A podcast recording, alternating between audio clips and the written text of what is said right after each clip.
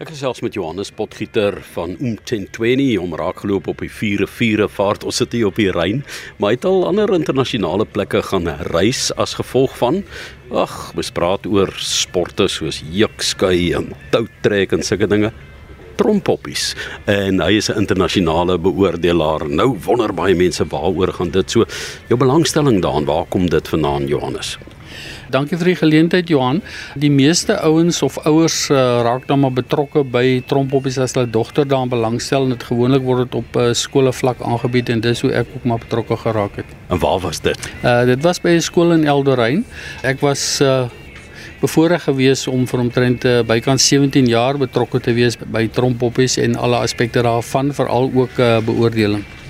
En jy het 'n internasionale beoordelaar geword. So wat moet 'n mens doen om daarbey uit te kom?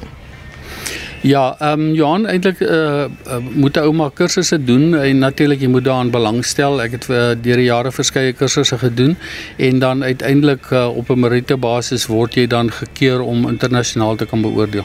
Vertel vir my so 'n bietjie van hoe dit werk en wat jy mag doen en nie mag doen nie, hoe jy moet aantrek, hoe jy moet voorberei, al die stappe waardeur 'n mens moet gaan want op die oog af lyk dit sommer soos 'n uh, vrolike klomp mense wat net voor 'n uh, optog in die straat marcheer. Ja Johan, uh, dit is so dat baie mense as hulle aan trompoppies dink, dan dink hulle spesifiek net aan meisies wat uh, soos jy sê in die straat afmarcheer. Ehm um, maar georganiseerde trompoppies in Suid-Afrika is eintlik 'n hoë dissipline sport wat ook by SASCOC, die South African Sports Commission geakkrediteer is.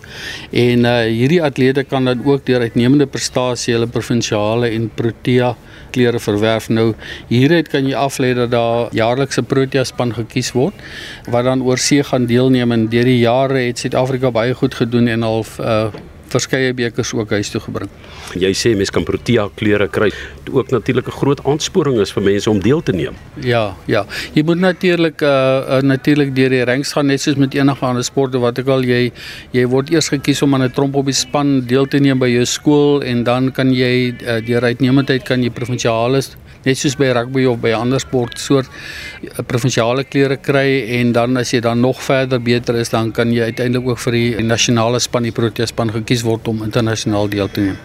Gesels met Johannes, hy is daar van Umtentweni en um, hy is 'n internasionale trompoppie beoordelaar in sy uh, vroeër deelnemende dae wil ek amper sê as beoordelaar. Watter uh, plekke het jy internasionaal beoordeel?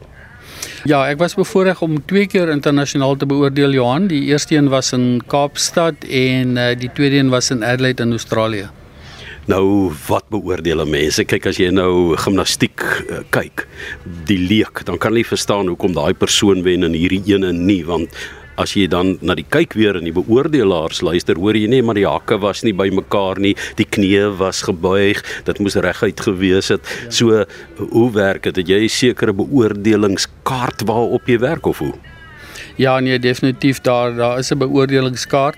Uh miskien is dit dalk net belangrik om te sê dat uh trompoppies of georganiseerde trompoppies in Suid-Afrika uh, of soos wat ons nou maar sommer sê drummies um, word eintlik in verskeie kategorieë aangebied. Jy kry sogenaamde large drill, dan kry jy small drill en dan kry jy groepe en dan kry jy ook cheerleading. Nou uh die large drill is gewoonlik wat op rugbyvelde of groot sportvelde aangebied word waar daar tot 50 trompoppies in een span kan deelneem terwyl die groepe dan dan heel wat uh kleiner is uh en ook die small drills dan ook uh heel wat kleiner is dit ook 'n presisie sport Ja nee beslis Johan uh, die uh, die kaarte beoordelingskaarte wat ou na kyk en uh, dit is nou onmoontlik om nou almal te noem maar miskien net se een of twee van die van die kriteria. Uh, maar verskoon weer eens die Engels maar die eerste een wat ek nou net kan noem is 'n uh, performance tegniek dit gaan af oor bewegingsinkronisasie dit gaan oor hoe reguit is die lyne dit gaan oor uh, is daar eweredige spasiering uh, terwyl hulle uh, besig is om op die uh, musiek te marcheer. En dan is daar ook ehm, 'n um, tweede een wat ek miskien kan genoem is artistic impression en uh, dit het te doen met die koreografie van hoe die afrigter uh, die hele uh, aanbieding of of die formasies veral ook dan nou um, aanbied en hoe die formasies gevorm word en hoe word die uh, musiek geïnterpreteer. Versterker die musiek. Byvoorbeeld as daar 'n stadige musiek is is die vlagbeweging stadig en as daar weer vinnige of staccato musiek is is daar vinnige vinnige bewegings op die veld.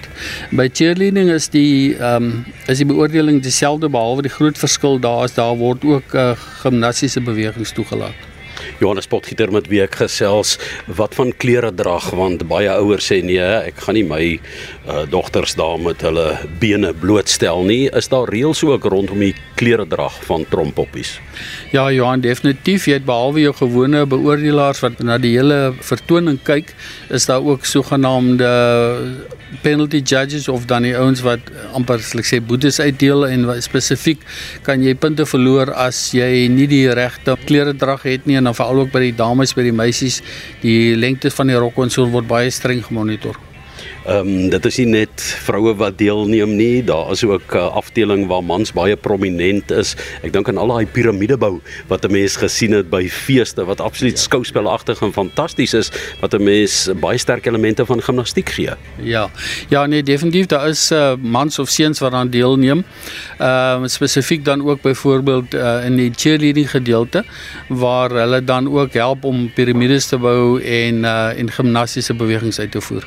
Watter lande uh, is die sterkste in hierdie sportsoort wat jy nou beoordeel het? Ja, ag dit uh, Johan dit wissel. Um, ek dink as ek reg onthou in die een in in Australië was dit Engeland, Japan, VSA, ons uh en miskien was daar nog een of twee ander en eh, dan daardie persoon wat voorloop wat my altyd so beïndruk waar daai stok so in die lug opgooi. Snak ja. julle nie partykeer na julle asem nie. Ja, ja, ja, daar is nogal partykeer veral nie begin met die kleintjies uh, kan daar beserings wees as die uh, as die staf op die mond beland, maar ja, it's all part of the package. Dit is presies dieselfde ding as wat jy in byvoorbeeld hokkie of netbal sou kry. Jy leer kompetisie, al die gesonde beginsels van ontwikkeling.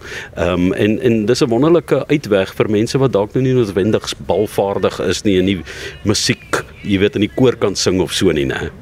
Ja, nee, definitief Johan vir ehm um, atlete verg tromp op die harde werk en dissipline en baie ure op die veld om te oefen.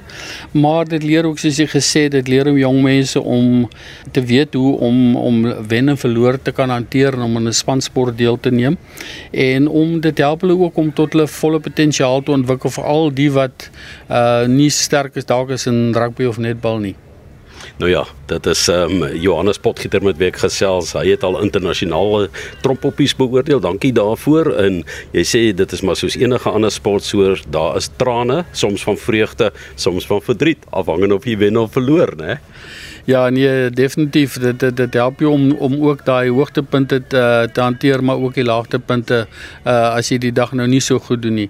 Maar ten slotte Johan, uh, baie dankie. Ek wil net sê vir my was die koneksie of die deelname aan trompoppies georganiseerde trompoppies in Suid-Afrika 'n uh, eh, verrykende ervaring en dit was my baie lekker om om daarin deel te wees. Baie dankie.